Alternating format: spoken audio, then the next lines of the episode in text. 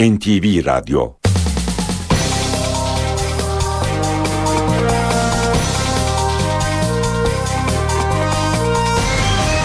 İşe Giderken Mutlu sabahlar. Ben Aynur Altunkaş. Bugün 2 Nisan Salı. İşe giderkenle karşınızdayız. Saat 9'a kadar Türkiye ve dünya gündemindeki gelişmeleri, gazete manşetlerini, piyasa verilerini, yol ve hava durumlarını aktaracağız. İşe giderken gündemin öne çıkan başlıklarıyla başlıyor. Yeni anayasayı hazırlayan Meclis Komisyonu'nun daha fazla çalışıp çalışmayacağı pazartesi günü belli olacak. Meclis Başkanı Cemil Çiçek Cuma gününe kadar partilerden yeni anayasaya ilişkin önerileri toplayacak. AK Parti'den bir heyet çözüm süreciyle ilgili bilgi vermek için muhalefetten randevu isteyecek. Akil İnsanlar Komisyonu'nda yer alacak isimlerin ise bu hafta belli olması bekleniyor.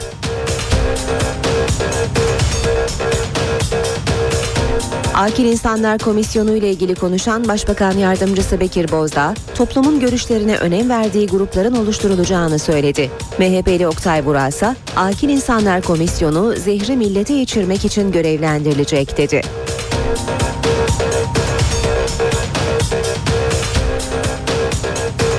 YGS sonuçları sınavdan 8 gün sonra belli oldu. En başarılı iller Ankara, Karabük ve Denizli. Sınavda birinciliği 3 kız öğrenci paylaştı. Sıfır çeken aday sayısı ise 8500.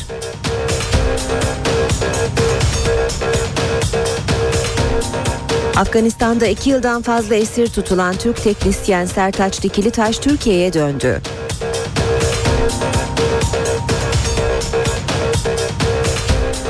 Hamas'ta liderlik seçimi yapıldı. Aday olmaya son anda karar veren Halit Meşal tekrar seçildi.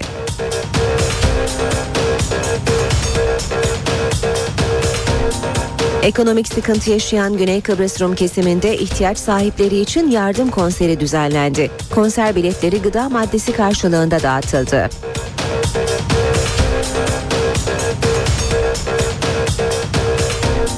Kayseri'de 2011 yılında cezaevi nakil aracındaki yangına ilişkin bilirkişi raporu mahkemeye sunuldu. 5 kişinin öldüğü yangında aracın yanı sıra araçtaki motorini satan akaryakıt istasyonları da kusurlu bulundu.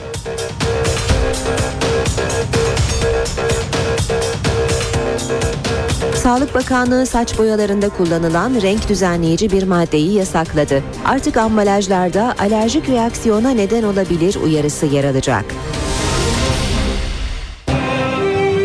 İşe giderken gazetelerin gündemi.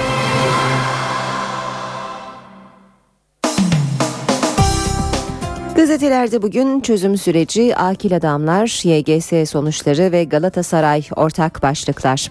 Milliyet gazetesiyle başlayalım. Gitmesi gereken PKK'lı sayısı 800 diyor Milliyet manşetinde. Askeri ve sivil güvenlik kaynakları Türkiye'de yaklaşık 1500 PKK'lı olduğunu, suça karışmayan 700'ünün kalabileceğini, 800'ünün gitmesi gerektiğini söylüyor. Tespitlere göre PKK'lılar 3 bölgede yoğunlaşmış durumda. Hakkari, Şırnak, Bingöl, Genç ve Diyarbakır'ın kuzey kırsalı, Tunceli'de de varlar. Fikret Bila'nın haberini okuyoruz. Toplam sayıları 1500 civarında. 300 kadarı yemek, temizlik gibi lojistik hizmet görüyor. Bunların çoğu çocuk yaşta ve ellerine silah almamışlar. Silahlı suç işlememiş yaklaşık 400 kişilik bir grup daha var. Örgüte yakın tarihlerde katılmışlar. Yaşları 16 ile 18 arasında değişiyor. Kaynaklar toplam 700 civarında olan bu iki grubun adli makamların incelemesinden sonra serbest kalıp ailelerine dönebileceğini düşünüyor. Geriye kalan 800 PKK'lı silahlarını bırakıp sivil kıyafetlerle geceleri güvenlik güçlerine görünmeden geldikleri yoldan gidebilirler. Kaynaklara göre 2 yılda içeride ve dışarıda 3000 civarında üyesini kaybetmesi PKK'yı yeni sürece yönlendiren önemli faktörlerden biri. Muhalefete çözüm süreci anlatılacak. Başbakan Erdoğan başkanlığında toplanan AK Parti Merkez Yönetim Kurulu'nda Akil Adamlar Komisyonu'nun bu hafta kamuoyuna açıklanması kararlaştırıldı. Kulislerde Başbakan Yardımcıları Beşir Atalay, Bekir Bozdağ ve Adalet Bakanı Sadullah Ergin'in muhalefetten randevu alarak çözüm sürecinde gelinen noktayı anlatacağı konuşuluyor. Akil adamların yapacağı işleri birazdan sabah gazetesinden aktaracağız. Milliyetle yine devam edelim. Büyümede sert fren %2,2. 2012 büyüme rakamı hem orta vadeli planın hem de yıllık beklentilerin altında kalarak %2,2 olarak gerçekleşti. İhracattaki artışa rağmen iç talepteki daralma sert düşüşe yol açtı. Eşle görüşme odası hazır. İyi hal gösteren hükümlülerin eşleriyle ve aileleriyle görüşmeleri için cezaevlerine yapılan özel odalar tamamlanmak üzere. Kapılarını Anadolu Ajansı'na açan Muş E tipi cezaevindeki odada banyo ve tuvalet, çift kişilik yatak, elbise dolabı, televizyon, buzdolabı var. Bu odanın fotoğraflarını bugün birkaç gazetede görüyoruz. Yine Milliyet'ten aktaralım. Erdoğan'ın şampiyonluk mutluluğu. Başbakanın futbol geçmişi İETT Spor'daki günleri bilinir. Onların da yolu İETT'den geçti kitabının yazarları Fatih Sultan Kar ve Filiz Acar'ın arşivinden çıkan e, bir yeni fotoğraf var Milliyet gazetesinde. Başbakan Erdoğan'ın ve İETT Spor'daki takım arkadaşlarının 1977'de gelen şampiyonluk sonrası antrenörleri Mehmet Ali Gürses'i omuzlara aldığı anı gösteriyor bu fotoğraf.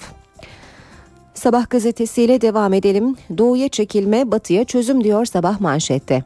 Hükümetin listesini oluşturduğu Akil İnsanlar Komisyonu, Batı illerinde çözümün çerçevesini, Doğu bölgesinde ise çekilmenin önemini anlatacak. Başbakan Erdoğan'ın açıklayacağı 49 akil isim 7 grup halinde 7 bölgede çalışacak. Her komisyon için bir başkan seçilirken bölgesel dağılımda tecrübe, etkinlik ve hukuki birikim gibi birçok unsur dikkate alındı deniyor haberde. Madrid'i cimbom korkusu sardı başlığını Sabah gazetesinde de görüyoruz. Ayrıca Kara Kartal Sefa'da Mersin Cefa'da başlığı yine e, sabahta Mersin İdman e, Mersin deplasmanında Fernandez ve Nobre'nin kendi kalesine attığı gollerle kazanan Beşiktaş, feda sloganıyla başladığı sezonda zirve iddiasını sürdürdü. Mersin ise iyice ateşe düştü.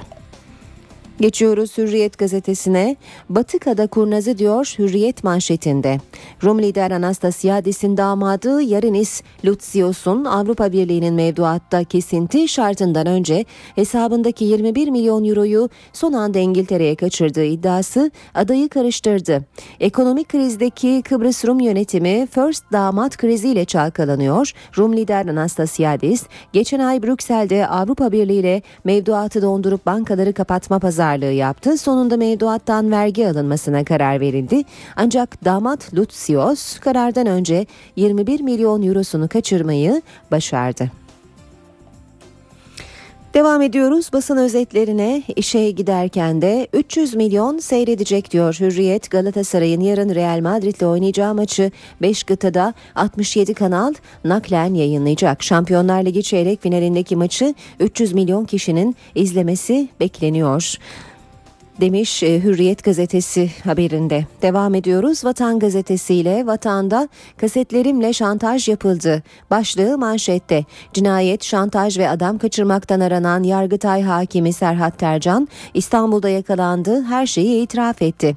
Kokain alışkanlığım ve gece hayatım vardı. Paraya sıkıştım, kredi çektim, ödeyemedim. Psikolojik problem yaşadım. Bankacı e, bir bankacıdan borç istedim. Yardım etmedi. Uzak durdum, öfkeye kapıldım vurdum e, diyor. Mustafa Hastürk'ü vurduğunu itiraf ediyor. E, Vatan Gazetesi'nin haberinde Serhat Tercan. YGS'de vahim tablo bir diğer başlık. Matematik testinde 840 bin, fen bilimlerinde ise tam 1 milyon 303 bin aday 5 net bile yapamadı. ÖSYM YGS sonuçlarını yeni geliştirilen optik okuma sistemi sayesinde 8 günde açıkladı. Geçen yıl 50 bini aşkın sıfırcı sayısı bu yıl 8500'e düştü ama başarı oranı %5 geriledi. Türkçe'de 32.622, sosyal bilgilerde 247.944, matematik matematikte 840 bin 63 ve fende 1 milyon 303 bin 934 kişi puan hesaplanması için gerekli olan 5 neti bile yapamadı. Devam edelim yine basın özetlerine. Habertürk gazetesinde Kızlar YGS'si başlığı sürmanşette. Üniversiteye giriş sınavında 3 kız öğrenci 500 tam puan aldı. 8 bin öğrenci sıfır çekti. YGS sonuçları 9 günde rekor hızla açıklandı demiş Habertürk. 1,8 ee, milyon aday arasından biri Ankara, ikinci, ikisi İstanbul'dan 3 kız öğrenci tam puanla şampiyon oldu. Bu yıl 8 bin öğrenci sıfır çekti. Geçen yıl 50 bin kişi sıfır çekmişti. En başarılı iller Ankara, Karabük, Denizli, en başarısız iller Hakkari, Ardahan, Şırnak. YGS birincileri Hümeyra Çolak, Zeynep Nur Karagöz ve Irmak Öz İskender. Habertürk'ten yine okuyalım Avrupa'nın 15. büyüğü dünyaca ünlü spor sitesi CBR Avrupa'nın en iyi 20'sini belirledi.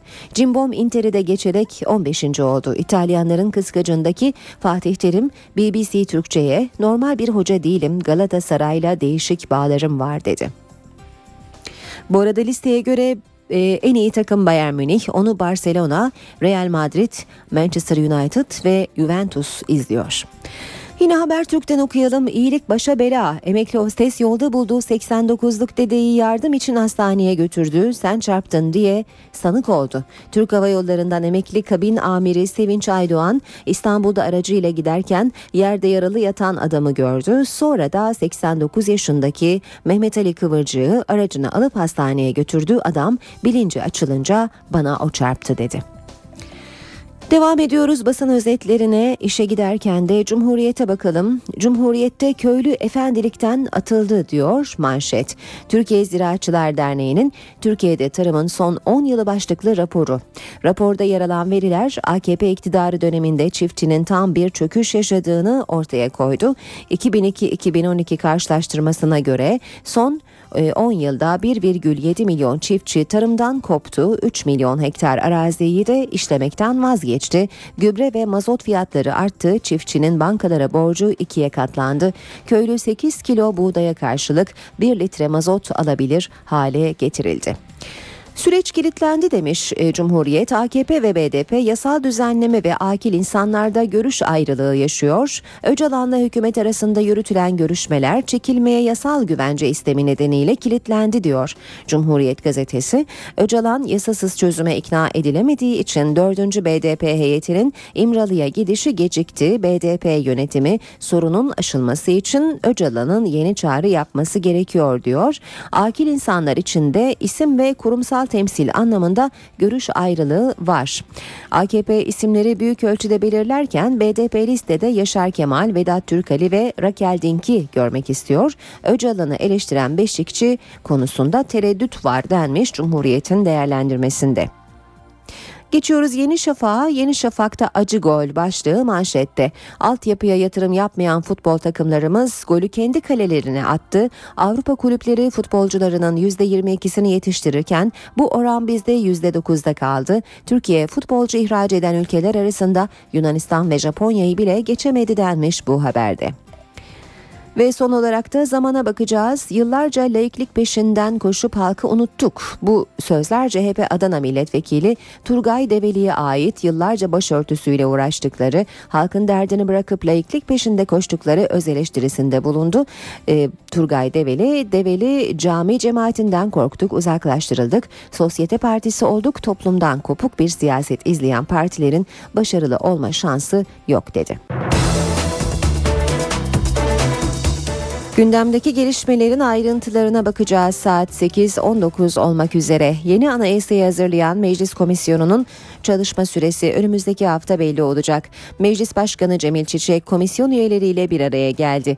Çiçek Cuma gününe kadar partilerden yeni anayasa ile ilgili hem çalışma şekli hem de içeriğe ilişkin önerileri toplayacak. AK Parti'nin 31 Mart'ta süre doldu çıkışının ardından Anayasa Uzlaşma Komisyonu üyeleri ve Meclis Başkanı Cemil Çiçek yemekli toplantıda buluştu. Komisyonun çalışma süresiyle ilgili yeni kararlar alındı. Bundan sonraki takvime ilişkin bilgiyi Meclis Başkanı Cemil Çiçek verdi. Buna göre dört parti yeni anayasada yer alacak genel esaslar konusundaki görüşlerini 5 Nisan'a kadar komisyona iletecek. Partiler şimdiye kadar görüşülmeyen konulardaki düşüncelerini de bildirecek. Meclis Başkanı Cemil Çiçek komisyonun hızlı çalışması için önerileri toplayacak. Anayasa çalışmaları için yeni bir liderler turu yapılmayacak. 8 Nisan pazartesi günü Cemil Çiçek Anayasa Uzlaşma Komisyonu üyeleriyle kahvaltıda bir araya gelecek. Komisyonun daha ne kadar çalışacağına dair belirsizliğin bu toplantıda giderilmesi bekleniyor. Bu kararların alındığı yemekli toplantıdan önce komisyon üyeleri yine masadaydı. Muhalefet süre sınırlaması konusundaki itirazlarını dile getirdi. Komisyona ömür biçme arayışından artık vazgeçsinler. Ne olur tavrımız? Bunu halka şikayet ederiz. Bunu kamuoyuna şikayet ederiz. Adalet ve Kalkınma Partisi komisyon çalışmalarını itibarsızlaştırmak ve arkasından da komisyondan çekilmek istemektedir. Hükümetin uzlaşma sağlanamaması durumundaki yol haritası ise hazır. Eğer Cumhuriyet Halk Partisi ile bir uzlaşma zemini bulabilirsek Cumhuriyet Halk Partisi ile yeni anayasayı hayata geçirebiliriz. Milliyetçi Hareket Partisi ile bir uzlaşma zemini bulabilirsek Milliyetçi Hareket Partisi ile yeni anayasayı hayata geçirebiliriz. İki partiyle uzlaşma bulamadık. O zaman tabii BDP ile de görüşebiliriz ve ancak BDP ile görüştüğümüzde biliyorsunuz referandumlu bir e, süreç işleyecektir. Parti'den bir heyet çözüm süreciyle ilgili bilgi vermek için muhalefetten randevu isteyecek. Akil İnsanlar Komisyonu'nda yer alacak isimlerin ise bu hafta belli olması bekleniyor. Hükümet çözüm sürecini muhalefete anlatacak. Önümüzdeki günlerde Bekir Bozdağ, Beşir Atalay ve Sadullah Ergin'in de yer alacağı AK Parti heyeti mecliste grubu bulunan 3 muhalefet partisinden randevu isteyecek. Heyet görüşmelerde muhalefetin tereddütlerini gidermek için sürecin başından bu yana yaşananları içeren bir rapor sunacak. Çözüm sürecinin en kritik aşamalarından biri de Akil Adamlar Komisyonu. Yedişer kişilik 7 ayrı grup halinde çalışacak komisyonda hangi isimlerin yer alacağı resmen açıklanmadı. Ancak hükümetin bazı isimlere şimdiden teklif götürdüğü belirtiliyor. 7 bölgemizde faaliyet gösterecek toplum tarafından görüşlerine değer verilen insanlarımızın bir kısmından oluşacak akil insanlar.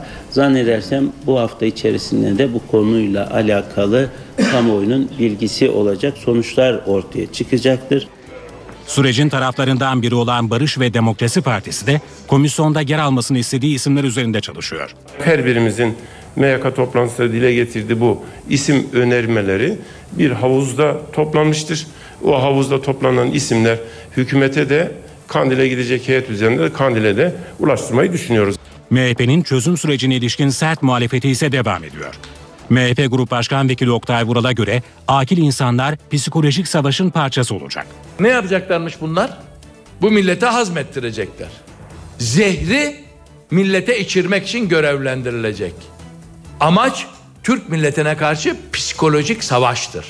Vural, hayatta olsa Alparslan Türkeş eyalet sistemini savunur da açıklamasına da tepki gösterdi. Herkes haddini bilsin dedi. İşe giderken YGS sonuçları sınavdan 8 gün sonra açıklandı. Puan türlerinin en az biri 180 puan ve üzerinde olan adaylar lisans yerleştirme sınavına başvurabilecek 0 puan alanların sayısı ise bu yılda fazla. YGS sonuçları bu yıl rekor bir sürede belli oldu. Sınavdan 8 gün sonra ÖSYM Başkanı Ali Demir sonuçları açıkladı. Optik okuma kapasitemizi %40 oranında artırdık. Bu yıl ilk kez uyguladığımız karekod etiket sayesinde de kitaplarımızı tam olarak merkezimize taşıyabildik. Sınav gereçleri, kalemler, silgiler kalitesi daha da artırılmış olduğundan dolayı okumamıza yardımcı oldu. Bu yıl en başarılı il Ankara oldu. Ankara'yı Karabük ve Denizli izledi. Başarı listesinin sonunda ise Hakkari, Şırnak ve Ardahan var. Sınavda 809 aday Türkçe, 6 aday sosyal bilimler, 2417 aday matematik, 91 aday da fen bilimlerinde soruların tamamını doğru yanıtladı. Sınavda 160 sorunun tamamını doğru yanıtlayan çıkmadı. Testlerin hiçbirinde puan alamayarak sıfır çeken aday sayısı ise 8586. En başarılı okullara gelince, Fen Lisesi mezunlarının %99,96'sı 180 ve üzerinde puan almayı başardı.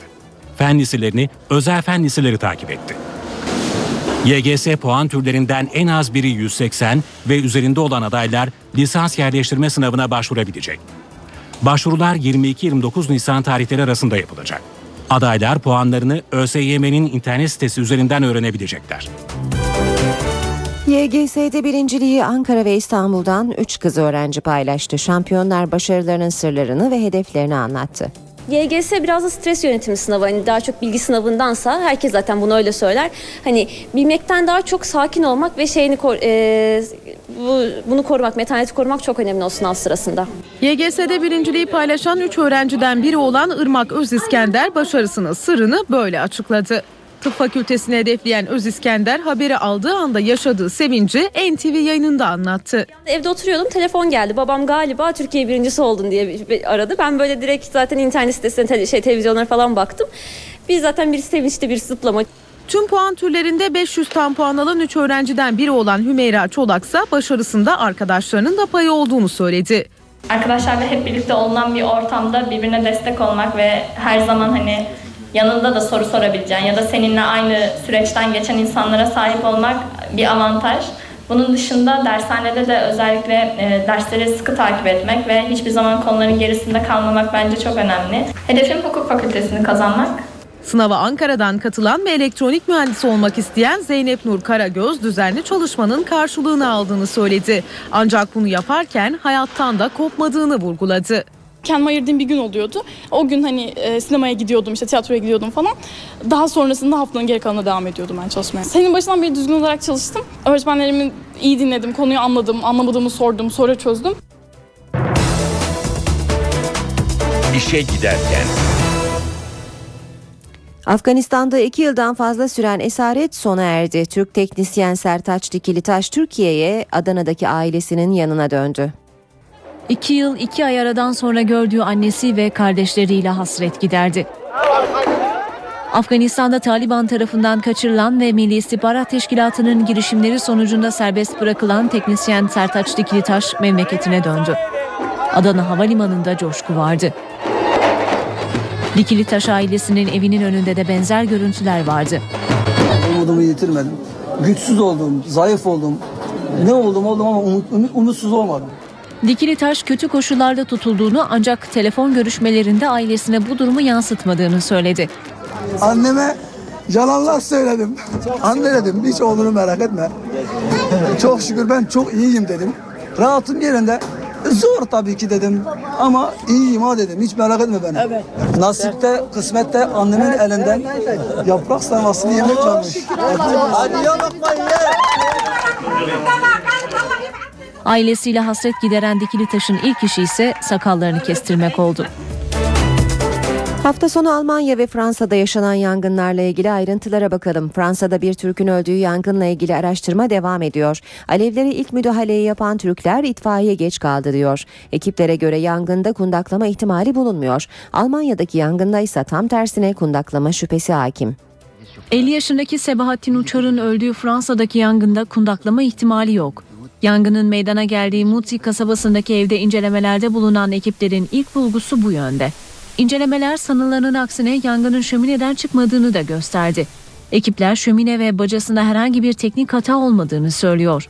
Kesin sonucun bu hafta içerisinde açıklanması bekleniyor. Yaşanır ya. Yine 45 dakikayı geçmiş. Sebahattin Uçar'ın yaşamını yitirdiği yangına ilk müdahaleyi yapan komşuları ekiplerin müdahalede geç kaldığını söylüyor. Hiç kimse kalmamıştı. Bir Selahattin amca kalmıştı. Herkes buradayken 25 dakika sonra mı 30 dakika sonra mı itfaiye geldi. Çok şok olaraktan yaşadık. Hala da şoku. Çünkü Hafta sonu Almanya'da iki kişinin öldüğü bir Türkiye ait apartmandaki yangınla ilgili soruşturmada devam ediyor. Alman Bild gazetesi yangında kundaklama şüphesi olduğunu yazdı.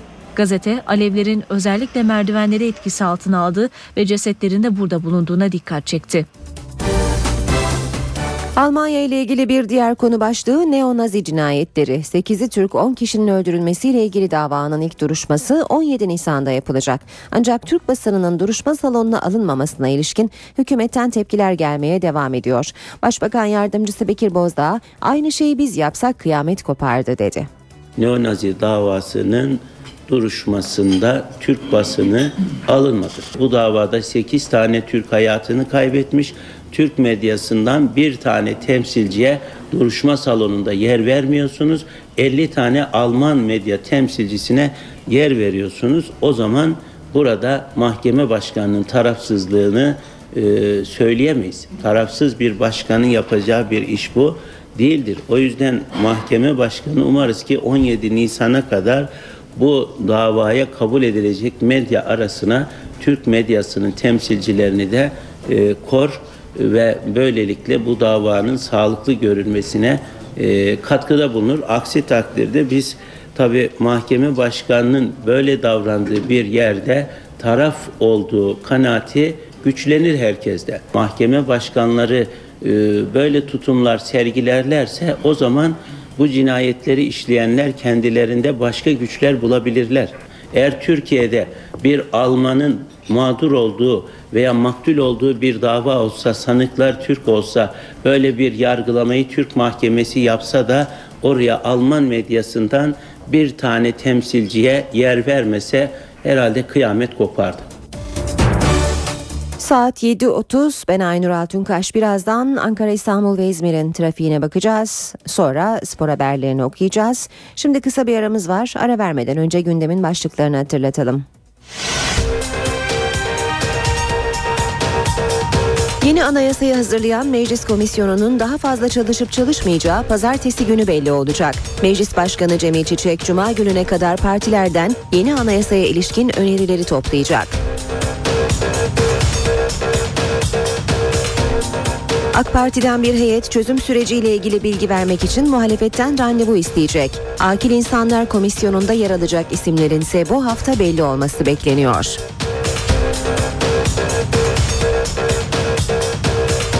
Akil İnsanlar Komisyonu ile ilgili konuşan Başbakan Yardımcısı Bekir Bozdağ, toplumun görüşlerine önem verdiği grupların oluşturulacağını söyledi. MHP'li Oktay Burasa, Akil İnsanlar Komisyonu zehri millete içirmek için görevlendirilecek dedi.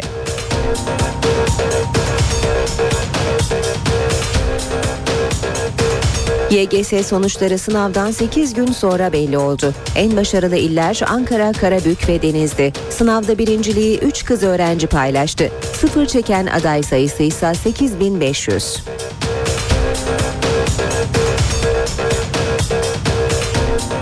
Afganistan'da 2 yıldan fazla esir tutulan Türk teknisyen Sertaç Dikilitaş Türkiye'ye döndü.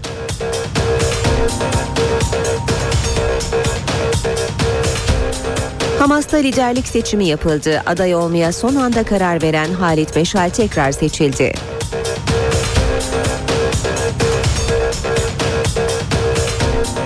Ekonomik sıkıntı yaşayan Güney Kıbrıs Rum kesiminde ihtiyaç sahipleri için yardım konseri düzenlendi. Konser biletleri gıda maddesi karşılığında dağıtıldı.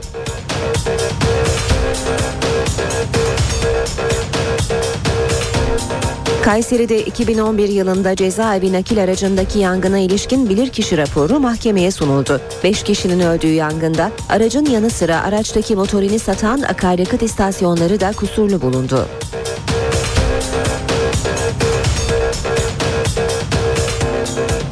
Sağlık Bakanlığı saç boyalarında kullanılan renk düzenleyici bir maddeyi yasakladı. Artık ambalajlarda alerjik reaksiyona neden olabilir uyarısı yer alacak.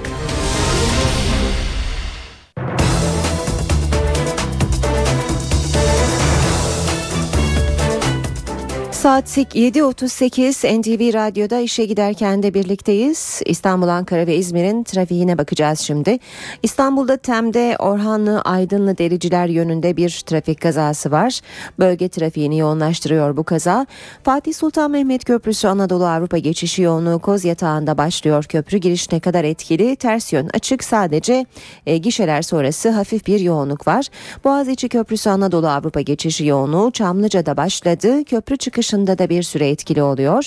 D100'de köprü yönünde Çoban Çeşme'den başlayan Darül Aceze'ye kadar devam eden yoğunluk söz konusu Haliç'te trafik açılıyor.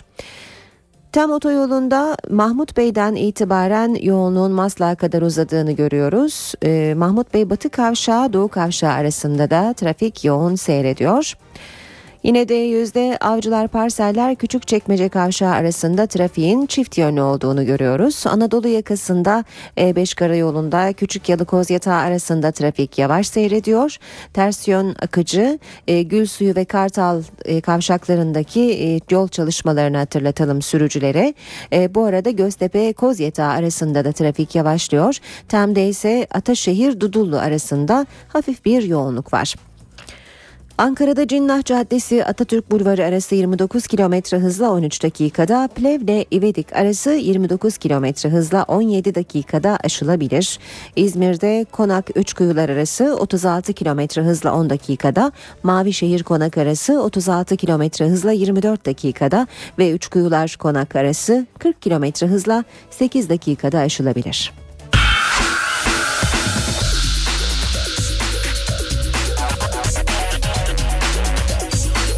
Spor sayfaları.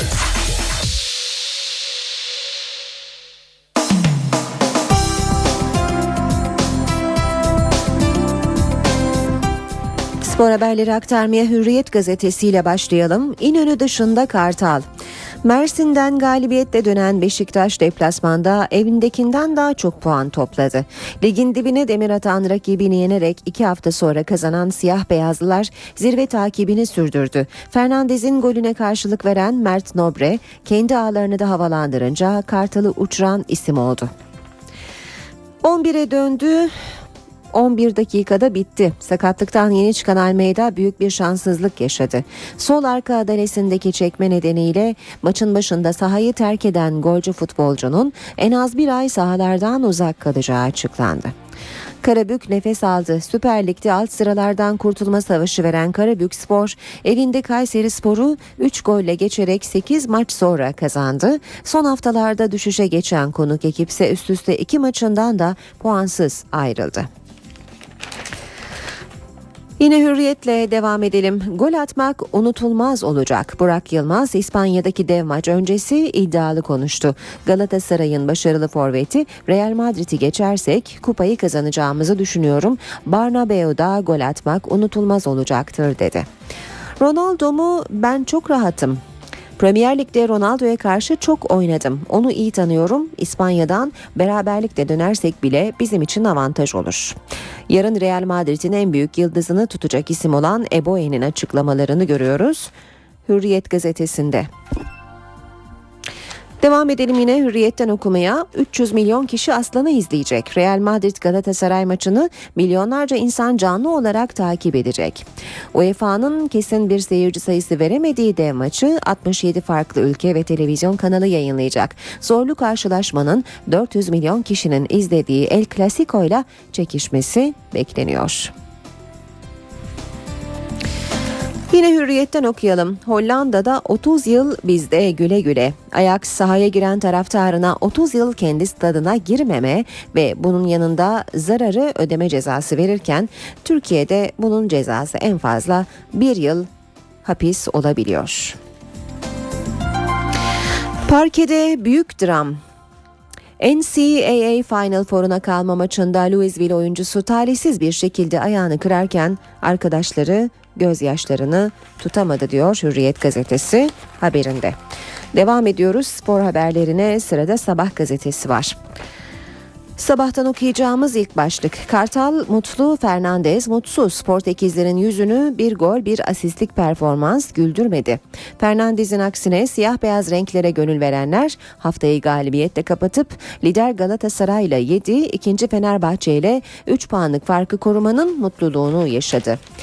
Golde var sevinçte yok. Geçen hafta barda çıkan e, barda kavga çıkaran Fethiye'de yalnızları oynayan Fernandez dün de gol sevinçlerine katılmadı diyor sabah haberinde.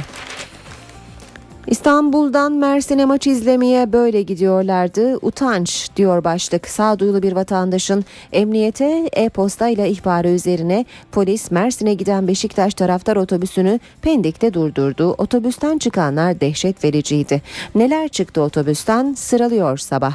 İki döner bıçağı, dört bıçak, iki kelebek bıçak, dört sustalı, beş çakı, bir adet falçata, bir adet şiş, bir adet kama, beş torba demir bilye, çok sayıda alkollü içki, ve enerji içeceği. Sabahtan okumaya devam ediyoruz. Varsa yoksa Galatasaray, Madrid'de gündem ne ekonomik kriz ne Paskalya ne de Real Madrid. Aslanın yıldızları İspanya'da manşetleri süslemeye devam ediyor. Marka Snyder'i manşete taşırken Assa Aslan'ın gol kralını övdü ve kapaktan tehlikenin adı Burak Yılmaz yorumunu yaptı. Dünyada milyonlarca kişi bu dev maçı e, televizyon başında izleyecek. Real'in yıldızlarını tutmaya kalkarsak Fatih Terim'in açıklaması Real Madrid'in yıldızlarını tutmaya kalkarsak sahada oyuncumuz kalmaz demiş Fatih Terim.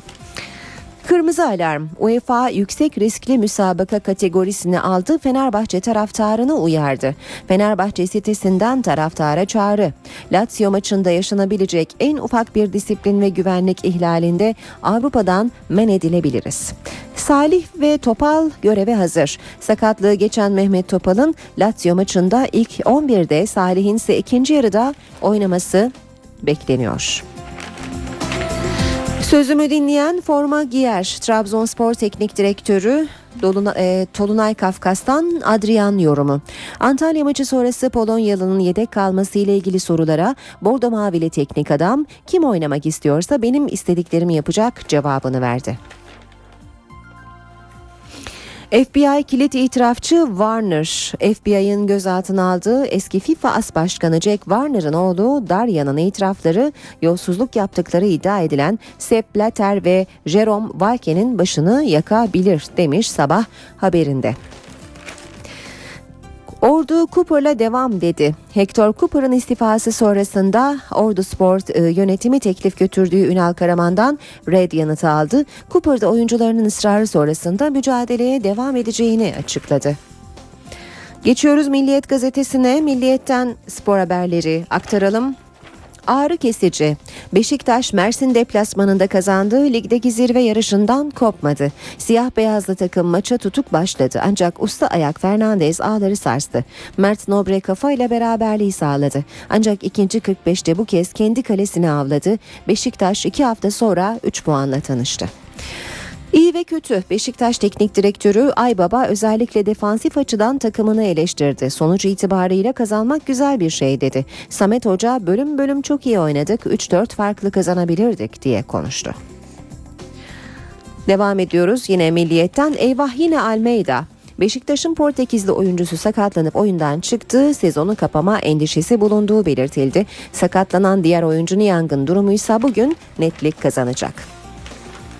Snyder çok özel olur demiş markaya kapak olan Galatasaray'ın yıldızı Snyder ikinci babam dediği Jose Mourinho'nun çalıştırdığı eski takımı Real Madrid'e gol atması halinde elbette sevineceğini söyledi. Barnabeu'da gol atmak çok özel bir heyecan olacak dedi.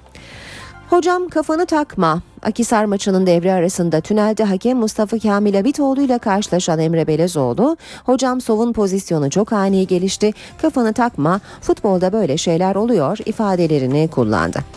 Yüreğiniz varsa karşıma çıkın. Başkan Yıldırım bazı kişi, e, kesimlerin Fenerbahçe'nin başarısızlığı için hangi yollara başvurduğunu bildiklerini söyledi. Kimilerinden yürekli bir şekilde karşıma çıkıp aday olmalarını beklemiyorum ama hesap soracağım dedi.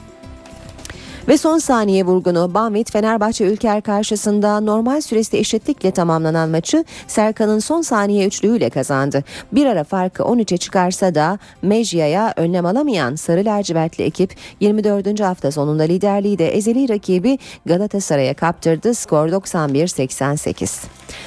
Böylece bitiriyoruz e, spor haberlerine işe giderken de gündeme yakından bakmaya devam edelim.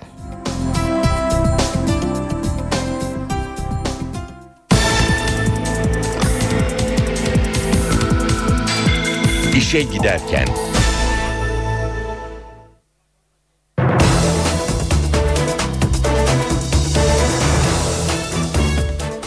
Samsun'da 13 e, kişinin hayatını kaybettiği sel felaketiyle ilgili soruşturma izni çıktı. Hazırlanan bilirkişi raporunda olayda ihmal olduğu belirtildi. Samsun'da geçen yıl meydana gelen sel felaketiyle ilgili soruşturma izni çıktı. 4 Temmuz'da sağanak nedeniyle taşan deriler TOKİ konutlarını su altında bıraktı. Onlarca kişi sele kapıldı. 13 kişi hayatını kaybetti. Olayın ardından Cumhuriyet Başsavcılığı inceleme başlattı. Bilirkişi raporu hazırlandı. Rapora göre felakete ihmal neden oldu. Dere yatakları beton bloklarla kapatıldı, usulüne uygun olmayan menfezler inşa edildi ve suyun akışı değiştirildi. Bu ihmaller zinciri beraberinde seli getirdi.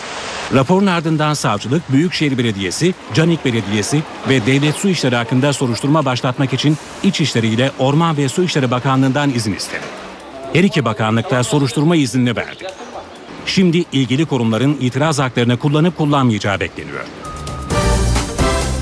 Kayseri'de 2011 yılında cezaevi nakil aracında 5 tutuklu ve hükümlünün yanarak ölümüne ilişkin bilirkişi raporu mahkemeye sunuldu. Yangının yakıttan ve yakıt sisteminden kaynaklandığı belirtildi. Gazi Üniversitesi'nden 3 uzmanın hazırladığı rapora göre nakil sırasında yakıt alınan Ahlat ve Elazığ'daki istasyonlarda kusurlu. Çünkü sattıkları yakıt araç ısındığında tutuşabilecek kıvamda. Raporda araçtaki eksikliklerden de bahsediliyor. Bunların başında yakıt sistemindeki eksiklikler ve mahkumların taşındığı bölümde acil çıkış kapısının bulunmaması var. 16 Eylül 2011'de Van'dan İstanbul'a giden cezaevi nakil aracında çıkan yangında 5 tutuklu ve hükümlü hayatını kaybetmişti. Kasko yaptıracaklar için yeni sistem yürürlükte. Artık sigorta şirketleri farklı kapsamlarda 4 kasko seçeneği sunacak. Ancak bu yeni sistem hem esnafın hem araç sahiplerinin hem de acentelerin kafalarını karıştırıyor. Araçlarda kasko sistemi değişti. Kaskoda artık standart, dar, genişletilmiş ve tam olmak üzere 4 tür sigorta seçeneği var. Örnek olarak vermek gerekirse e, yani markalı bir yetkili servise gitmek isteyen müşteri 1300 lira ödüyorsa e, 1000 lira civarında da e, normal atölyeye, e, sanayideki atölyeye e, gitmek isteyen müşteriler de o civarda ödüyor. Standart kasko aracın yanması, çalınması, kaza ve üçüncü kişilerin yol açtığı zararlar gibi durumlar için teminat alabilecek. Dar kaskoyla söz konusu teminat gruplarından yalnızca bir kısmı koruma altında. Genişletilmiş kasko ise isteğe bağlı olarak dahil edilebilecek diğer riskleri de kapsayacak. Müşteri poliçedeki yedek parçanın yan sanayi ya da orijinal parça olması konusunda bile seçim yapacak. Müşteri paketini kendisi oluşturuyor diyebilirim size. Yan sanayi parçada fark ediyor. Bunun da seçimi kendi içerisinde var. Yani müşteri aynı zamanda e, sanayi atölyesinde yaptıracağım ve ben yan sanayi malzemeyi de kabul ediyorum derse tabii ki fiyat yine biraz daha aşağıya düşüyor. Bu yüzden poliçeyi imzalarken dikkatli olmak şart. Poliçelerini okumaları gerekiyor artık. Kesinlikle kafa karıştıracak gibi gözüküyor ama önerim muafiyet olan poliçelere yanaşmaması yönünde olacak. Ben daha çok genişletilmiş kasko öneriyorum. Ancak araç sahipleri ve esnaf şikayetçi. Bu hem sigortalının kafasını karıştıracak hem de esnaf olarak bizi sıkıntıya sokacak. Müşteri benim arabama kimse yan sanayi parça takamaz diyecek. Halbuki almış olduğu, satın almış olduğu poliçede yan sanayi ile tamir yazıyor. Bu müşteriyle uygulama yapacak olan servis veya esnaf arkadaşları müşteriyle karşı karşıya getirecek. Şimdi kafa karıştırabilir. Acaba hangisini seçsem e, daha yararlı olabilir diye. Cep telefonlarında azami ücret tarifesi yürürlüğe girdi. Bilgi Teknolojileri ve İletişim Kurumu'nun aldığı karara göre GSM şirketlerince uygulanacak ücretlerin üst sınırı %5,7 oranında artırıldı. Kurum Başkanı Tayfun Acarer tavan ücretlerindeki artışı enflasyona bağladı. Cep telefonunda tarifelerde yeni üst sınırlar belirlendi. GSM şirketlerinin uyguladığı tarife ücretlerinin üst sınırı %5,7 oranında artırıldı. Buna göre cep telefonlarından sabit hatlara ve cepten cebe aramalarda ücret tabanı 43,89 kuruşa çıktı. Yurt dışına arama ücreti de 4,63 liraya yükseltildi. Daha az arkadaşımı arayacağım, daha kısa konuşacağım. Zaten pahalı. Konuşmadan 20-25 lira telefon parası veriyoruz hiç konuşmadan. Kullanmıyorum ki evladım. Kullananlar düşünsün. Değil mi? Söylerim çocuklara. Onlar halleder. Bilgi Teknolojileri ve İletişim Kurumu Başkanı Tayfun Acerer, tavan ücretlerdeki artışı enflasyona bağladı. Geçen yıl enflasyon dikkate alındı ama yaklaşık 3 senedir bu tarifelerde bir artış yoktu. E, malum bir takım giderler artıyor, kira bedelleri yükseliyor. E, o nedenle yapılmış bir uygulamadır. İsim unvan değişikliği, hat devir ve sim kart değişikliğinde de tavan ücretlere zam geldi. Yurt içi ve yurt dışı mesaj tarifesi ise değişmedi. GSM şirketleri tarifedeki tavan fiyatları aşamıyor. Sağlık Bakanlığı kozmetik yönetmeliğini değiştirdi. Buna göre saç boyalarında kullanılan renk düzenleyici bir maddeyi yasakladı. Resmi gazetede yayımlanan yeni düzenlemeye göre Avrupa Birliği'nin yasakladığı saç boyası maddesi HC Red numara 16 Türkiye'de de yasaklı listeye alındı. Değişiklikle saç boyalarındaki maddelerden naftol ve Rezornisol'un kullanım oranları da yeniden düzenlendi. Bu maddelerin yer aldığı ambalajlarda saç boyaları alerjik reaksiyona neden olabilir uyarısı yer alacak. NTV Radyo Yeni saate başlıyoruz. Ben Aynur Altunkaş. Herkese yeniden günaydın. Birazdan Gökhan Abur'dan son hava tahminlerini alacağız. Önce gündemin başlıklarını hatırlayalım. Anayasayı hazırlayan Meclis Komisyonu'nun daha fazla çalışıp çalışmayacağı pazartesi günü belli olacak. Meclis Başkanı Cemil Çiçek Cuma gününe kadar partilerden yeni anayasaya ilişkin önerileri toplayacak. AK Parti'den bir heyet çözüm süreciyle ilgili bilgi vermek için muhalefetten randevu isteyecek. Akil İnsanlar Komisyonu'nda yer alacak isimlerin ise bu hafta belli olması bekleniyor.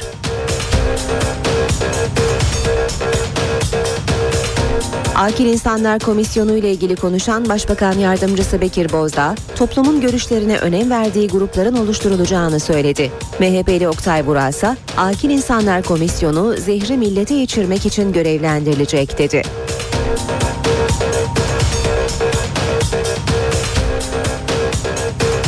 YGS sonuçları sınavdan 8 gün sonra belli oldu. En başarılı iller Ankara, Karabük ve Denizli. Sınavda birinciliği 3 kız öğrenci paylaştı. Sıfır çeken aday sayısı ise 8500.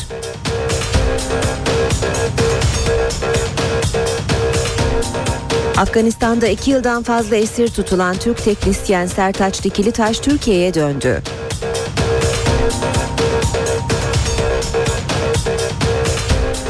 Hamas'ta liderlik seçimi yapıldı. Aday olmaya son anda karar veren Halit Meşal tekrar seçildi.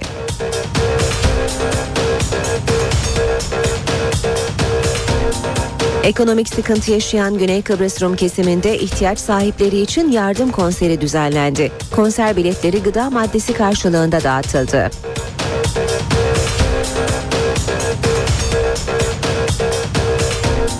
Kayseri'de 2011 yılında cezaevi nakil aracındaki yangına ilişkin bilirkişi raporu mahkemeye sunuldu. 5 kişinin öldüğü yangında aracın yanı sıra araçtaki motorini satan akaryakıt istasyonları da kusurlu bulundu.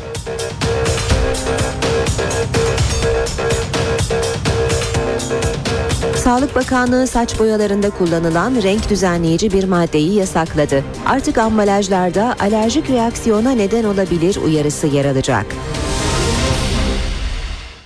Hava durumu için Gökhan Abur yanımızda. Merhaba Sayın Abur. Merhaba günaydın. Mart'ı bitirirken İstanbul'da rekor sıcaklıklar ölçülmüştü. Her zaman söylediğiniz gibi bu yaz sıcak geçecek. Belli oldu değil mi? E, bu yaz oldukça sıcak geçecek. Bunu ön- öncelikle ve uzun zamandan beri vurgulamaya çalışıyoruz. E, bu kışın da çok sert geçeceğini vurgulamıştık. Belki ülkemizin özellikle e, İstanbul başta olmak üzere batı kesimleri bunun pek farkına varmadı ama Avrupa, Amerika e, son 60 yılın en soğuk dönemini yaşıyor. Evet. Hala Almanya'da sıcaklıklar oldukça düşük. Polonya'da kar yağışı devam ediyor. Macaristan aynı şekilde ve şu anda ara vermiş olan sistem haftanın ikinci yarısı ve bölgede yine kuvvetli soğumayla birlikte Avrupa yine çok soğuk bir dönem yaşayacak. En azından bir hafta 10 gün. Bunun e, belli bir kısmı da bize gelmeye çalışacak. E, hafta, önümüzdeki hafta biraz serinleyeceğiz. Hı hı, Hatta hı. yer yer kuzey kesimlerde e, hava bir hayli soğuyacak ve soğumaya bağlı olarak da yağışlar karla karışık yağmura bile Hı dönebilecek gibi gözüküyor kuzey ve iç kesimlerde. Ama bu bugün- hafta bu ılık hafta galiba. çok sıcak. Bu hafta oldukça sıcak çünkü Lodos etkisini sürdürmeye devam ediyor. Belki çok kuvvetli değil. İstanbul'da son derece değişken e, kuzeyle yani Karayel'le Lodos arasında gün içinde gidip geliyor. Çok hafif bir rüzgar var. Ama öğle saatlerinden itibaren özellikle Çeşme'den başlayarak Bodrum açıklarında Lodos ve keşişleme yönlü rüzgarlar yer yer kuvvetli esecek. Hatta yer yer fırtınaya yakın esmesini bekliyoruz Girit Bodrum arasında.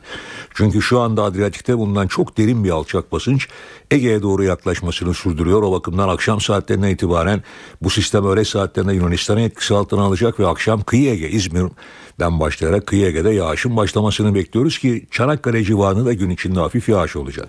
Şu an itibariyle Karadeniz'de yağış var. Akşam saatlerinde Batı Karadeniz'de başlayan yağışlar sabah Bartın'da da aralıklarla devam etti ama şu anda Samsun'da yağış var. İlerleyen saatlerde özellikle Rize Artvin arasında sağanakların kuvvetlenmesini bekliyoruz. Yine şu anda Erzincan Erzurum arasında aralıklarla yağış devam ediyor. Elazığ'da hafif yağış geçişi var. Öğle saatlerinden itibaren özellikle e, Güneydoğu'da ve Akdeniz'in doğu kesimlerinde sağanakların biraz kuvvetlenmesini bekliyoruz ki Adıyaman Diyarbakır arasındaki sağanaklar havanın çok ısınmasından dolayı öğle saatlerinden sonra gök gürültülü sağanaklar şeklinde olacak. Evet bugün akşam saatlerinde batı yağışlı havanın etkisi altına girecek.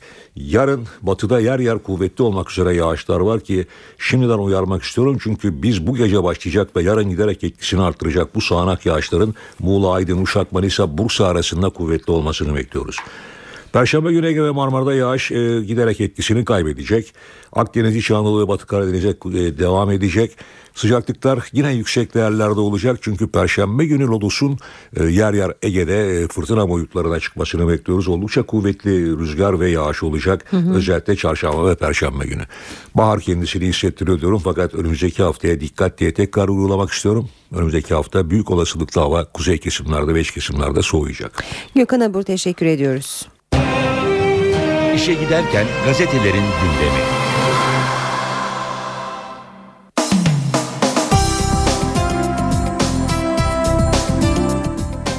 Gazetelerle devam edelim. Yine akil adamlar çözüm süreci, YGS sonuçları.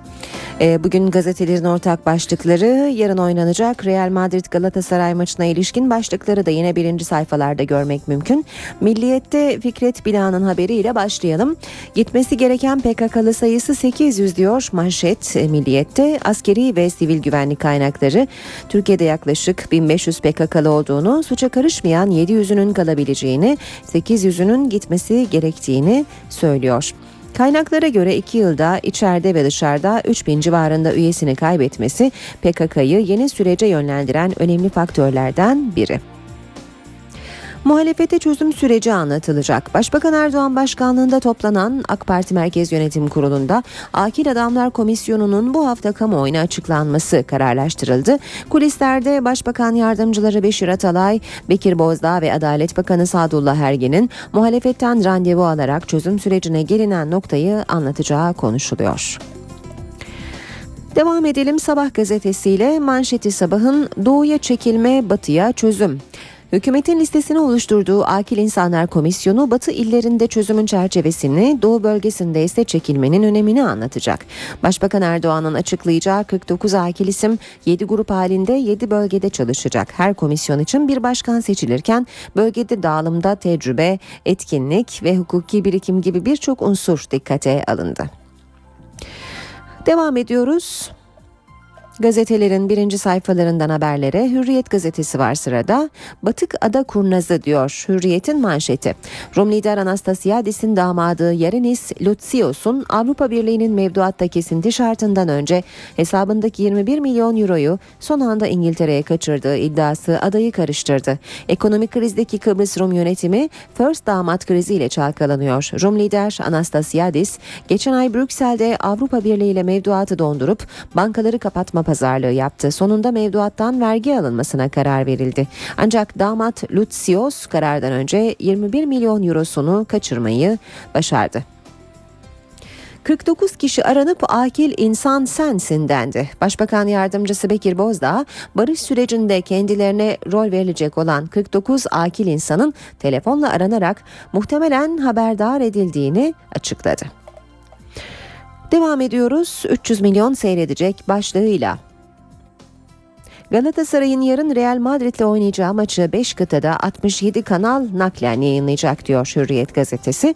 Şampiyonlar Ligi çeyrek finalindeki maçı 300 milyon kişinin izlemesinin beklendiği belirtiliyor. Real Madrid-Barcelona arasındaki El Clasico maçları ortalama 400 milyon kişi tarafından izlenirken bu alanda rekor 700 milyon kişinin seyrettiği İspanya-Hollanda 2010 Dünya Kupası finalinde.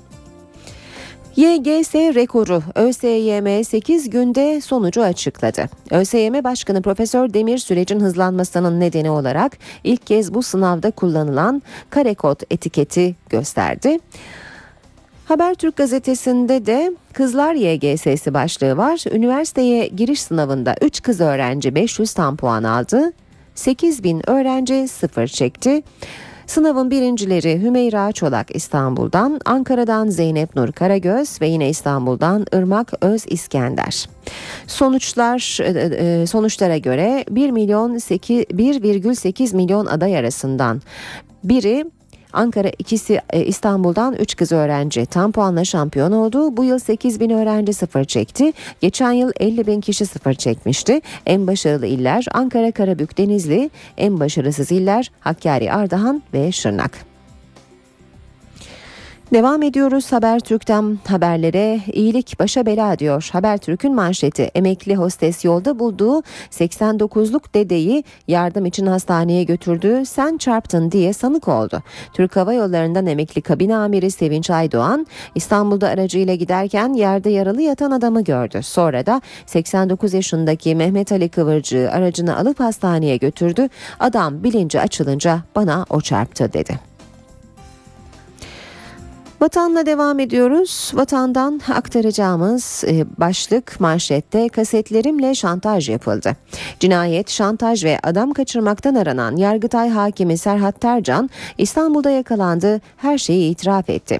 Kokain alışkanlığım ve gece hayatım vardı. Paraya sıkıştım, kredi çektim, ödeyemedim. Psikolojik problem yaşadım.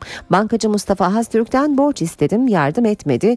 Uzak durdu, öfkeye kapıldım, vurdum diye anlatıyor Serhat Tercan. Cezaevlerindeki aşk odaları hazır.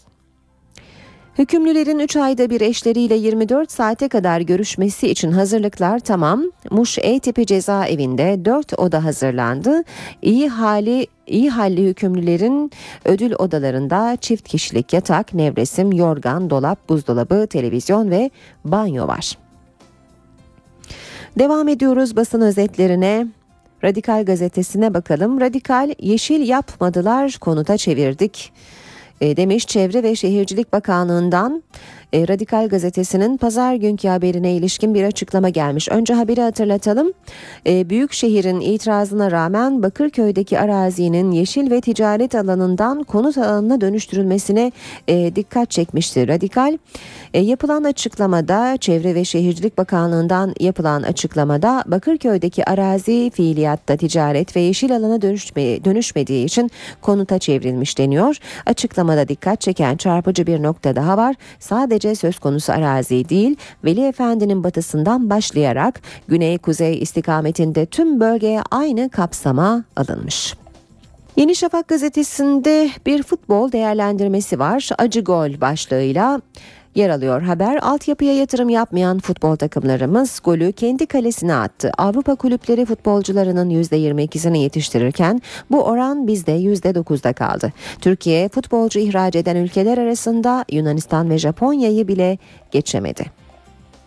Cumhuriyet gazetesiyle devam edelim. Köylü efendilikten atıldı diyor manşeti. Cumhuriyet'in Türkiye Ziraatçılar Derneği'nin Türkiye'de tarımın son 10 yılı başlıklı raporuna yer verilmiş. Raporda yer alan veriler AKP iktidarı döneminde çiftçinin tam bir çöküş yaşadığını ortaya koydu. 2002-2012 karşılaştırmasına göre son 10 yılda 1,7 milyon çiftçi tarımdan koptu. 3 milyon hektar araziyi de işlemekten vazgeçti. Gübre ve mazot fiyatları arttı. Çiftçinin bankalara borcu ikiye katlandı. Köylü 8 kilo buğdaya karşılık 1 litre mazot alabilir hale getirildi. Süreç kilitlendi demiş Cumhuriyet. AKP ve BDP yasal düzenleme ve akil insanlarda görüş ayrılığı yaşıyor. Öcalan'la hükümet arasında yürütülen görüşmeler çekilmeye yasal güvence istemi nedeniyle kilitlendi. Öcalan yasasız çözüme ikna edilemediği için 4. BDP heyetinin İmralı'ya gidişi gecikti. BDP yönetimi sorunun aşılması için Öcalan'ın yeni çağrı yapması gerekiyor dedi. Akil insanlar içinde isim ve kurumsal temsil anlamında görüş ayrılığı olduğuna dikkat çekilmiş haberde. Zaman gazetesine bakalım. Zamanda yıllarca laiklik peşinden koşup halkı unuttuk. Ee, başlığı manşette bu sözler CHP Adana Milletvekili Turgay Develi'ye ait. Develi Cami cemaatinden korktuk, uzaklaştırıldık, sosyete partisi olduk, toplumdan kopuk bir siyaset, e, siyaset izleyen partilerin başarılı olma şansı yok demiş. Ve akşam gazetesiyle bitirelim. Dış güçler oyun dışı diyor akşam manşette. Çözüm sürecinde kilit rol oynayan aktörleri yakından tanıyan AK Parti Diyarbakır eski AK Parti Diyarbakır Milletvekili İhsan Arslan işin uluslararası boyutunu anlattı. Arslan'a göre hesaplar bozuldu. Türkiye lehine duruş sergilemeyen ülkeler oyun dışında kaldı. Ankara gündemi. Başkent gündemiyle devam ediyoruz. Karşımızda NTV Ankara muhabiri Borayhan Gülcü var. Borayhan günaydın. Günaydın. Akil İnsanlar Komisyonu'nda kimlerin olacağının bu hafta netleşeceği hatta bazı isimlerin telefonla arandığı konuşuluyor. Sende hangi bilgiler var Borayhan? Doğrudur. Dün özellikle Başbakan Yardımcısı Bekir Bozdağ'ın bu yönde bir açıklaması vardı. Akil İnsanlar konferans, panel, seminer gibi etkinliklerle Türkiye'nin 7 ayrı bölgesinde çalışmalar yürütecek dedi Bekir Bozdağ.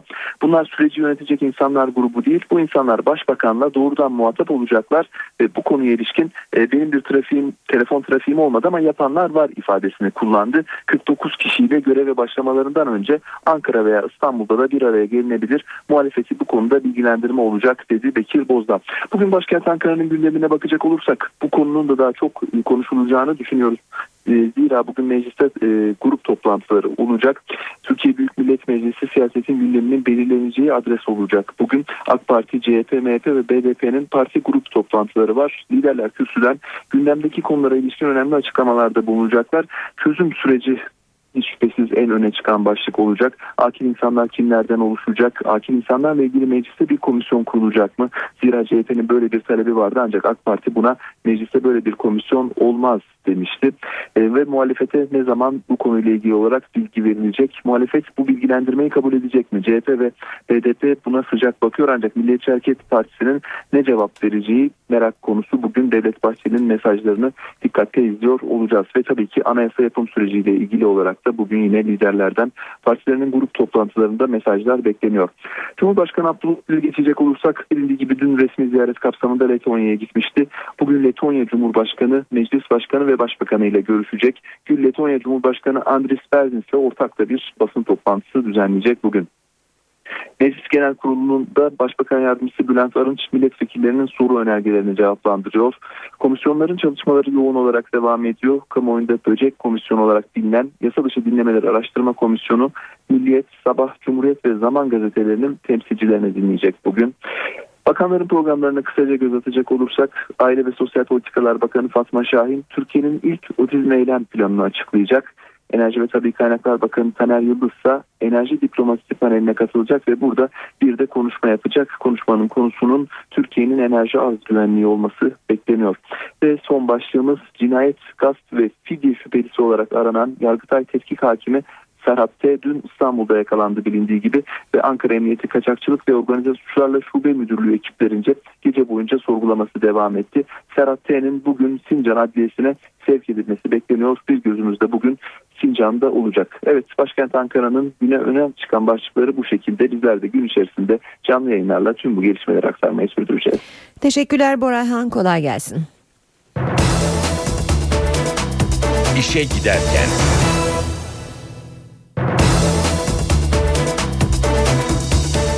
Trafik başlığı altında 3 büyük şehrimize bakalım şimdi. İstanbul'da D100'de Kozyatağı Bostancı yönünde bir kaza var. Bir şerit trafiği kapalı. Fatih Sultan Mehmet Köprüsü Anadolu Avrupa geçişinde yoğunluk. Ataşehir Çavuşbaşı arasında yoğun. Elmalı Kavacık arasında da yine yoğun şekilde devam ediyor. Ters yönde e, Etiler katılımı itibariyle yoğunluk var. Köprü girişine kadar yoğunluk sürüyor. Tem'de köprü yönünde Mahmut Bey Maslak arasında aralıksız e, bir e, yoğunluk söz konusu. Ters yönde Karayolları Mahallesi Tekstil Kent arasında trafik yoğun seyrediyor. D100'de Avrupa yakasında Çoban Çeşme'de başlayan e, trafik Haliç'e kadar etkili. Haliç'te de hatta devam ediyor etkili olarak. Darül Aceze'de e, son buluyor yoğunluk. Bu burada bir e, yol çalışması olduğunu bir kez daha hatırlatalım. E, ok Meydanı Çağlayan yönündeki yol çalışması trafiği olumsuz yönde etkiliyor. Köprüde ise Zincirlikuyu köprü çıkışı arasında çok yoğun bir trafik olduğunu görüyoruz. D100'de Bahçeli Evler Çoban Çeşme arası trafik yoğun seyrediyor. Daha geride ise Ambarlı'da başlayıp Küçükçekmece kavşağına uzanan yoğunluk söz konusu. Anadolu yakasında Maltepe Kavşağı Kozyatağı arasında trafik çok yoğun. Kazayı hatırlatalım. Kozyatağı Bostancı arasında meydana gelen trafik kazası sebebiyle bir şerit trafiğe kapalı. D100'de ayrıca Yeni Sahra Uzunçayır arasında da trafik yoğun seyrediyor. Kartal'da çalışma olduğunu hatırlatalım ve yoğunluğun Pendik'e kadar da uzandığını söyleyelim. Ankara ve İzmir'e de bakalım. Ankara'da Cinnah Caddesi Atatürk Bulvarı arası 29 km hızla 15 dakikada. Anadolu Bulvarı Keçiören arası 36 dakika. e, 36 km hızla 14 dakika. Keçiören Anadolu Bulvarı arası 22 km hızla 28 dakikada aşılabilir. İzmir'de Mavi Konak'tan e, Mavi Şehir'den Konağa 29 km hızla 29 dakikada, Bornova'dan Alsancak'a 40 km hızla 13 dakikada ulaşabilirsiniz.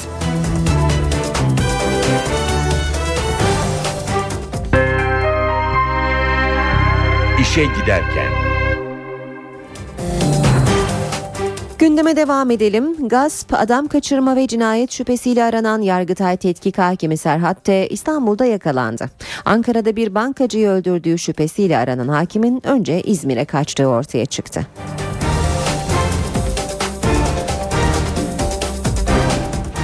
Parklarda yattı, otobüste seyahat etti ama polisten kaçamadı. Bir bankacıyı öldürdüğü şüphesiyle aranan Yargıtay 15. Ceza Dairesi Tetkik Hakimi Serhat T. İstanbul'da yakalandı. Serhat T'nin polisiye filmleri aratmayan yakalanış öyküsü Ankara-İzmir-İstanbul üçgeninde geçti. Daha önce gasp ve fidye suçlarına da adı karışan hakim Serhat T'nin kiraladığı araç son olarak cinayette kullanıldı. Bir bankacı tetkik hakimin kiraladığı belirlenen otomobilde öldürüldü. Ankara'da meydana gelen olayın ardından hakimi yakalamak için operasyon başlatıldı. Kaçakçılık ve organize suçlarla mücadele şubesi ekipleri Serhat T'nin para harcama ihtimaline karşı banka hesaplarını takibe aldı. Ancak bu girişimi tahmin eden cinayet şüphelisi hakim otellerde konaklamadı. Kredi kartıyla da harcama yapmadı. Seyahatlerinde ise sadece otobüsleri kullandı. Nakit parası biten zanlı hakimin izine İzmir'de rastlandı. İzmir'deki park ve caddeler didik didik arandı. Serhat T. çareyi kenti terk ederek İstanbul'a kaçmakta buldu. Ankara polisi katil zanlısının İzmir'den otobüsle İstanbul'a gittiğini tespit edince operasyon için düğmeye basıldı ve cinayet şüphelisi tetkik hakim İstanbul girişinde gözaltına alındı. Serhat T'nin üzerinde cinayette kullandığı sanılan silah da ateşlenmeye hazır şekilde bulundu. Gasp, adam kaçırma, fidye ve cinayet şüphelisi hakim Ankara Emniyetinde sorguya alındı. Hakim Serhat T'nin bugün Sincan Adliyesi'ne sevk edilmesi bekleniyor. Danıştay avukatların duruşmalara başörtüsüyle girmelerinin önündeki engeli ikinci kez kaldırdı. Danıştay 8. Dairesi avukatların duruşmalarda başları açık görev yapabileceklerine ilişkin düzenlemenin yürütmesini bir süre önce durdurmuştu. Danıştay'ın duruşmalarda başörtüsü serbestisi getiren bu kararına karşı Türkiye Barolar Birliği'nin yaptığı itiraz karara bağlandı. Danıştay İdari Dava Daireleri Genel Kurulu Barolar Birliği'nin itirazını oy çokluğuyla reddetti. Danıştay'ın kararına rağmen bazı mahkeme başkanları başörtüsüyle duruşmalara giren avukatlar hakkında tutanak tutmaya devam ediyor.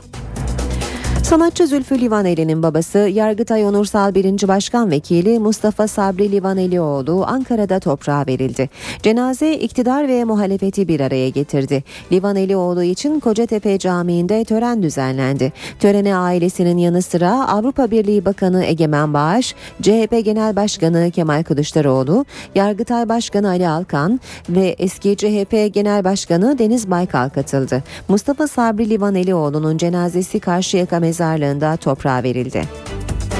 Gazeteciler Nedim Şener, Ahmet Şık ve Soner Yalçın'ın yargılandığı Oda TV davasında eski CHP Genel Başkanı Deniz Baykal ve yar- eski Yargıtay Cumhuriyet Başsavcısı Sabih Kanadoğlu'nun tanık olarak dinlenmesi istendi. Davanın tutuksuz sanığı Soner Yalçın'ın avukatı Hüseyin Ersöz mahkemeye 7 sayfalık bir dilekçe sundu. Dilekçede Oda TV'de yapılan aramalarda hocadan notlar Soner Bey'den gelen Kılıçdaroğlu'na destek zorunlu, Sabri Uzun ve Hanefi adlı dosyaların bulunduğu hatırlatıldı ve bu belgelerde adı geçen Deniz Baykal, Sabih Kanadoğlu ve Balyoz davası sanığı Çetin Doğan'ın da aralarında bulunduğu 16 kişinin tanık olarak dinlenilmesi istendi. Piyasalara bakalım. İMKB 100 endeksi haftanın ilk işlem gününde cuma kapanışına göre 2013 puan e, 213 puan yükseldi. Endeks böylece 86.112 puanla tarihinin en yüksek 3. kapanışını gerçekleştirdi. Hisse senetleri ortalama %0,25 oranında değer kazandı. Bu sabah serbest piyasada dolar 1.80, euro 2.32'den işlem görüyor. Euro dolar 1.28, dolar yen 93 düzeyinde.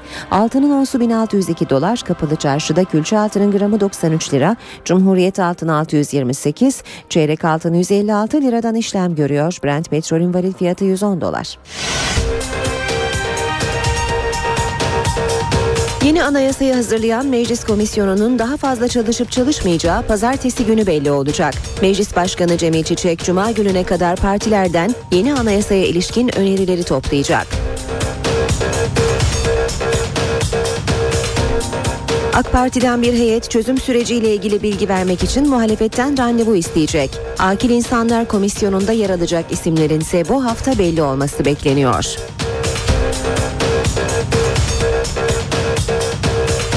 Akil İnsanlar Komisyonu ile ilgili konuşan Başbakan Yardımcısı Bekir Bozdağ, toplumun görüşlerine önem verdiği grupların oluşturulacağını söyledi. MHP'li Oktay Burak ise Akil İnsanlar Komisyonu zehri millete içirmek için görevlendirilecek dedi.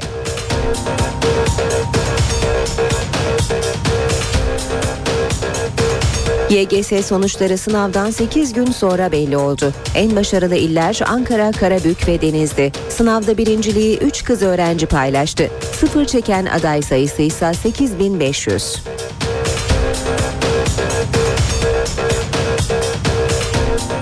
Afganistan'da 2 yıldan fazla esir tutulan Türk teknisyen Sertaç Dikilitaş Türkiye'ye döndü.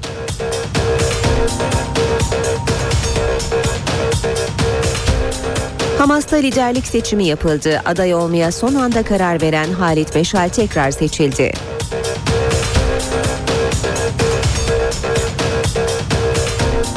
Ekonomik sıkıntı yaşayan Güney Kıbrıs Rum kesiminde ihtiyaç sahipleri için yardım konseri düzenlendi. Konser biletleri gıda maddesi karşılığında dağıtıldı.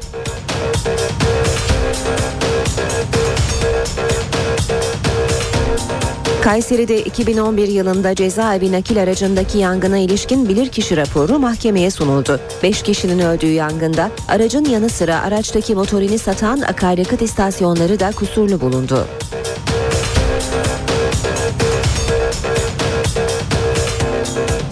Sağlık Bakanlığı saç boyalarında kullanılan renk düzenleyici bir maddeyi yasakladı. Artık ambalajlarda alerjik reaksiyona neden olabilir uyarısı yer alacak. Mükemmel çatı ve cephe Kılıçoğlu güvencesiyle Kılıçoğlu'nun sunduğu işe giderken devam edecek. Reklam Baharda neşeli haber yine Vadalar'dan geliyor. Nisan'da World kartınızla taksitte alışveriş yapın, ödemeye Temmuz'da başlayın. Kasada taksit erteleme istemeyi unutmayın. Üstelik bütün sektörlerdeki artı taksit imkanlarından yararlanın. Ayrıntılı bilgi worldcard.com.tr'de.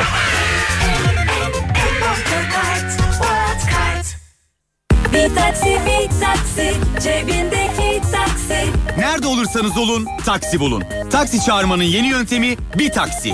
Uygulamayı akıllı telefonunuza ücretsiz olarak indirin, tek dokunuşta taksi yanınıza gelsin. Şimdi App Store ve Google Play'de. Bir taksi Emre Bey aracınız hayırlı olsun. F kaskonuzu da yaptık. E bu durumda size borcumuz... 200 lira çek olacak. Evet, evet, evet tabii. Hemen yazıyorum çekinizi. Güle güle kullanın. Teşekkürler. Bugünlerde Ford'a gelenler güle güle gidiyor. Çünkü şimdi 0 kilometre Ford'una F kasko yaptıranlara 200 lira servis çeki hediyemiz.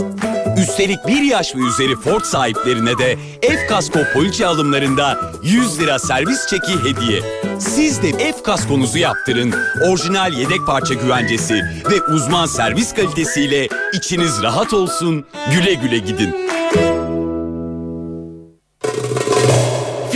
Finans Bank sunar. Esnafın derdini Mustafa Keser. Esnafta dert çoksa Finans Bank'ta da çare çok. Esnaf kardeşim, post masrafların fazla mı geldi? O zaman sen de Finans Bank post fırsat paketi al, masraf yükünü hafiflet. Aklımda fikrimde hep sen varsın. Cazip komisyon oranlarından yararlanmak için TC kimlik numaranızı 7673'e gönderin. Detaylı bilgi için sizi hemen arayalım. Fikrimde dertlerim var. Türkiye'de havacılığı değiştireceğiz dediğimizde uçtuğumuz yer sayısı iki elin parmağından azdı. Şimdi 28 ülkede 70 noktaya uçuyoruz. Gelecekte neler olacak siz düşünün. Gelecek bizim. Türkiye'nin. Pegasus flypgs.com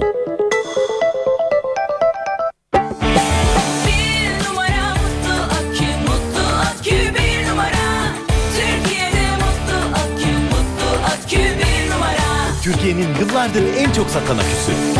Akü. Sadece öğrenciler için. inekle.com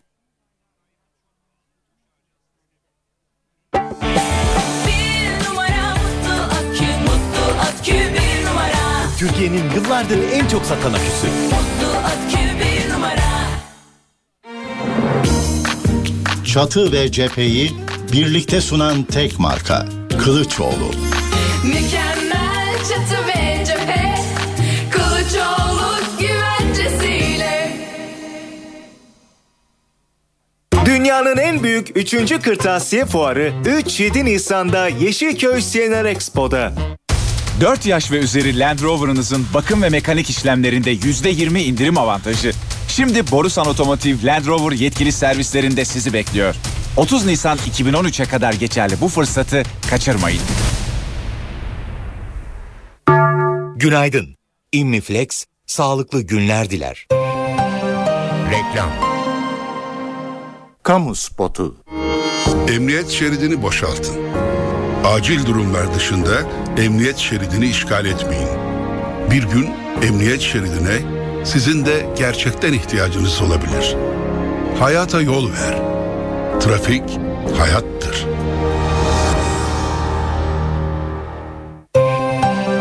Reklam. Simit Sarayı. Na böyle ufacık büfeden böyle bir dev organizasyona nasıl dönüştü, nasıl oldu bu iş ya? Kadir abi bir simidi de bir milyon simidi de aynı tazelikte sunarak oluyor. Nasıl oluyor bu iş yani, nasıl ya? Bu işin sırrı teknolojide. Ne alakası var teknolojiyle bunun ya? Valla ona ben bakmıyorum abi. O işe Türksel bakıyor. O işe Türksel bakıyor. O işe Türksel bakıyor.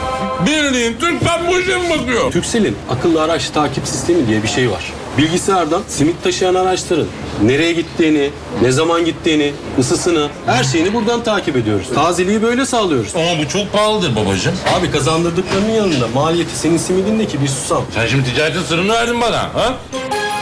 532'yi arayın. Türksel akıllı aracı siz de kullanmaya başlayın. İşinizi teknoloji büyütsün, teknoloji işinize Türksel baksın. İşinize Türksel gücü. Reklam.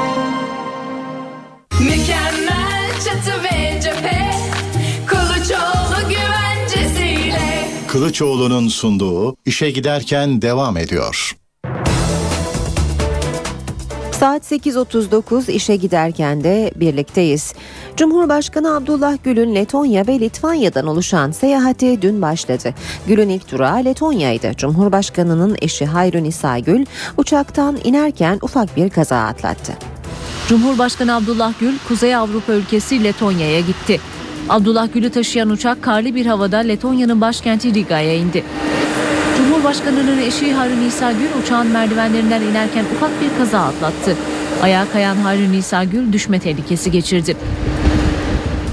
Abdullah Gül Letonya'da Cumhurbaşkanı Andris Berzis ve Başbakan Valdis Dombrovskis ile görüşecek. Akşam saatlerinde de Litvanya'ya geçecek. Seyahatinde Abdullah Gül'e Ulaştırma Bakanı Binali Yıldırım'la Avrupa Birliği Bakanı Egemen Bağış eşlik ediyor. Hamas'ta liderlik seçimi yapıldı. Gazze ve Batı Şeria'daki Hamas yönetiminin 4 yılda bir yapılan seçimlerinden galip çıkan isim 4 dönemdir siyasi liderliği yürüten Halit Meşal oldu. Adaylar arasında yer alan Gazze'deki Filistin Hükümeti Başbakanı İsmail Haniye Meşal'in yardımcılığına getirildi. Daha önce aday olmayacağını açıklayan Meşal kararını son anda değiştirmişti. Afrika'nın tatil cenneti olarak bilinen Mauritius sel felaketiyle karşı karşıya. 11 kişinin hayatını kaybettiği 1 Nisan günü ulusal yas ilan edildi. Afrika açıklarındaki ada devleti Mauritius sele teslim oldu. Başkent Port Louis'te yol ve evleri su bastı. Sel felaketinde ölenler için ülkede bir günlük yas ilan edildi. Meteoroloji yetkililerine göre yağışların nedeni küresel ısınma. Meteoroloji uzmanları gelecek günlerde yağışların daha etkili olabileceği konusunda ada halkını uyardı. Amerika Birleşik Devletleri'nin Colorado eyaletinde sinema basıp 12 kişiyi öldüren James Holmes için ölüm cezası istendi. Davaya bakan savcılar James Holmes'un idamdan kurtulmak için suçu kabul etme talebini reddetti. Savcı James Holmes'un da katıldığı davada adaletin yerini bulması için Holmes'a verilmesi gereken ceza idamdır dedi. 25 yaşındaki James Holmes Temmuz ayında Colorado'nun Aurora kentinde Batman filminin gösterimini basmış ve 12 kişiyi öldürmüştü. Ekonomik krizin pençesindeki Güney Kıbrıs Rum kesiminde ihtiyaç sahipleri için yardım konseri düzenlendi. Ancak konser biletleri parayla satılmadı. Güney Kıbrıs Rum kesiminde sivil toplum kuruluşları krizin etkilerini azaltmak için kolları sıvadı. Lefkoşa'da Rum kesimi ve Yunanistan'dan 50 sanatçının katıldığı yardım konseri düzenlendi. 8 saatlik konsere giriş için müzikseverlerden para değil gıda maddesi istendi. İhtiyaç sahibi kardeşlerimiz için elimizden gelen her şeyi yapmaya çalışıyoruz. Herkes sorumlu davranmalı çünkü gerçekten zor durumda olan insanlar var. Lefkoşa Belediyesi de yardım konserine destek verdi. Burada bulunmamızın iki amacı var. Birincisi insanlara yeni bir başlangıcın, dayanışmanın umudunu aşılamak. İkincisi de şu dakika yardıma muhtaç insanlara elimizi uzatmak. Ekonomik kriz ve kemer sıkma politikaları Rum halkının alım gücünü büyük ölçüde azalttı. %15'e varan işsizlik oranıyla Avrupa Birliği'nde dördüncü sırada olan Rum kesiminde bu oranın daha da artması bekleniyor. İşe giderken İstanbul'da Beyaz TV'nin binasına bir grup tarafından taşlı sopalı saldırıda bulunuldu. Yaralanan bir güvenlik görevlisi hastaneye kaldırıldı. Beşiktaş'taki Beyaz TV binasına düzenlenen saldırı spor programının sona ermesinin ardından gerçekleşti. Yaklaşık 35 kişilik grup girişteki kontrol noktasını aşarak güvenlik görevlilerinden birini yaraladı. Saldırganlar bina içine giremedi. Olay yerine çok sayıda polis ekibi sevk edildi. Çalışanların ifade işlemleri geç saatlere kadar sürdü. Saldırının ardından bir açıklama yapan program sunucusu Ertem Şener, Galatasaray'ı konuşuyorduk. Bazı yorumlar gerilime neden oldu. Hangi dönemde yaşıyoruz diye konuştu. Ve bir kayıp haberi vereceğiz. Tiyatro ve sinema sanatçısı Yaşar Güner İstanbul'da hayatını kaybetti. Yaşar Güner bugün Teşvikiye Camii'nde kılınacak cenaze namazının ardından toprağa verilecek. 1943 yılında Rize'de dünyaya gelen Güner, Naşit Tiyatrosu'nda tiyatro çalışmalarına başladı. Rus dili ve edebiyatı eğitimi aldı. Tiyatro oyunları yazdı ve yönetti. Sinema alanında da çalışmalar yaparak film senaryoları yazdı. Yaşar Güner, Tatlı Bela Fadime, Hırsız Polis, Büyük Yalan dizilerinde ve Her Şey Çok Güzel Olacak, Ana Yurt Oteli, Atla Gel Şaban, Çiçek Abbas, Kanlı Nigar, Şalvar Davası gibi çok sayıda filmde yer aldı. Bu yıl Londra Kitap Fuarı'nda konuk ülke Türkiye. Fuarla ilgili konuşan Kültür ve Turizm Bakanı Ömer Çelik de kültürümüzü dünyaya açıyoruz yorumunu yaptı. Mirasçısı olduğumuz medeniyet havzasının tüm potansiyelini harekete geçirme kararlılığındayız. Dünyanın 300 yıllık dengeleri değişiyor. Yeni jeostratejik oluşumlar ortaya çıkıyor. Buna buna bağlı olarak da kültürel arayışlar ve kültürel ilişkiler yepyeni imkanlarla, yepyeni potansiyellerle yüzleşmek durumunda kalıyor. Türkiye dünyada hiçbir ülkenin sahip olmadığı bir çok boyutluluğa ve çoğulculuğa kendiliğinden sahiptir. Başkalarının çabalayarak ulaştığı bu çoğulculuğa ve çok boyutluluğa Türkiye kendi mayası itibariyle sahiptir. Bütün tür renkleriyle Türkiye ana temasıyla hazırlanan 2013 Londra Konuk Ülke Türkiye programı da bu anlayışın bir yansıması olacaktır. İşe giderken bu haberle sona eriyor. Ben Aynur Altunkaş. Saat başında yeniden buluşmak üzere. Hoşçakalın. NTV Radyo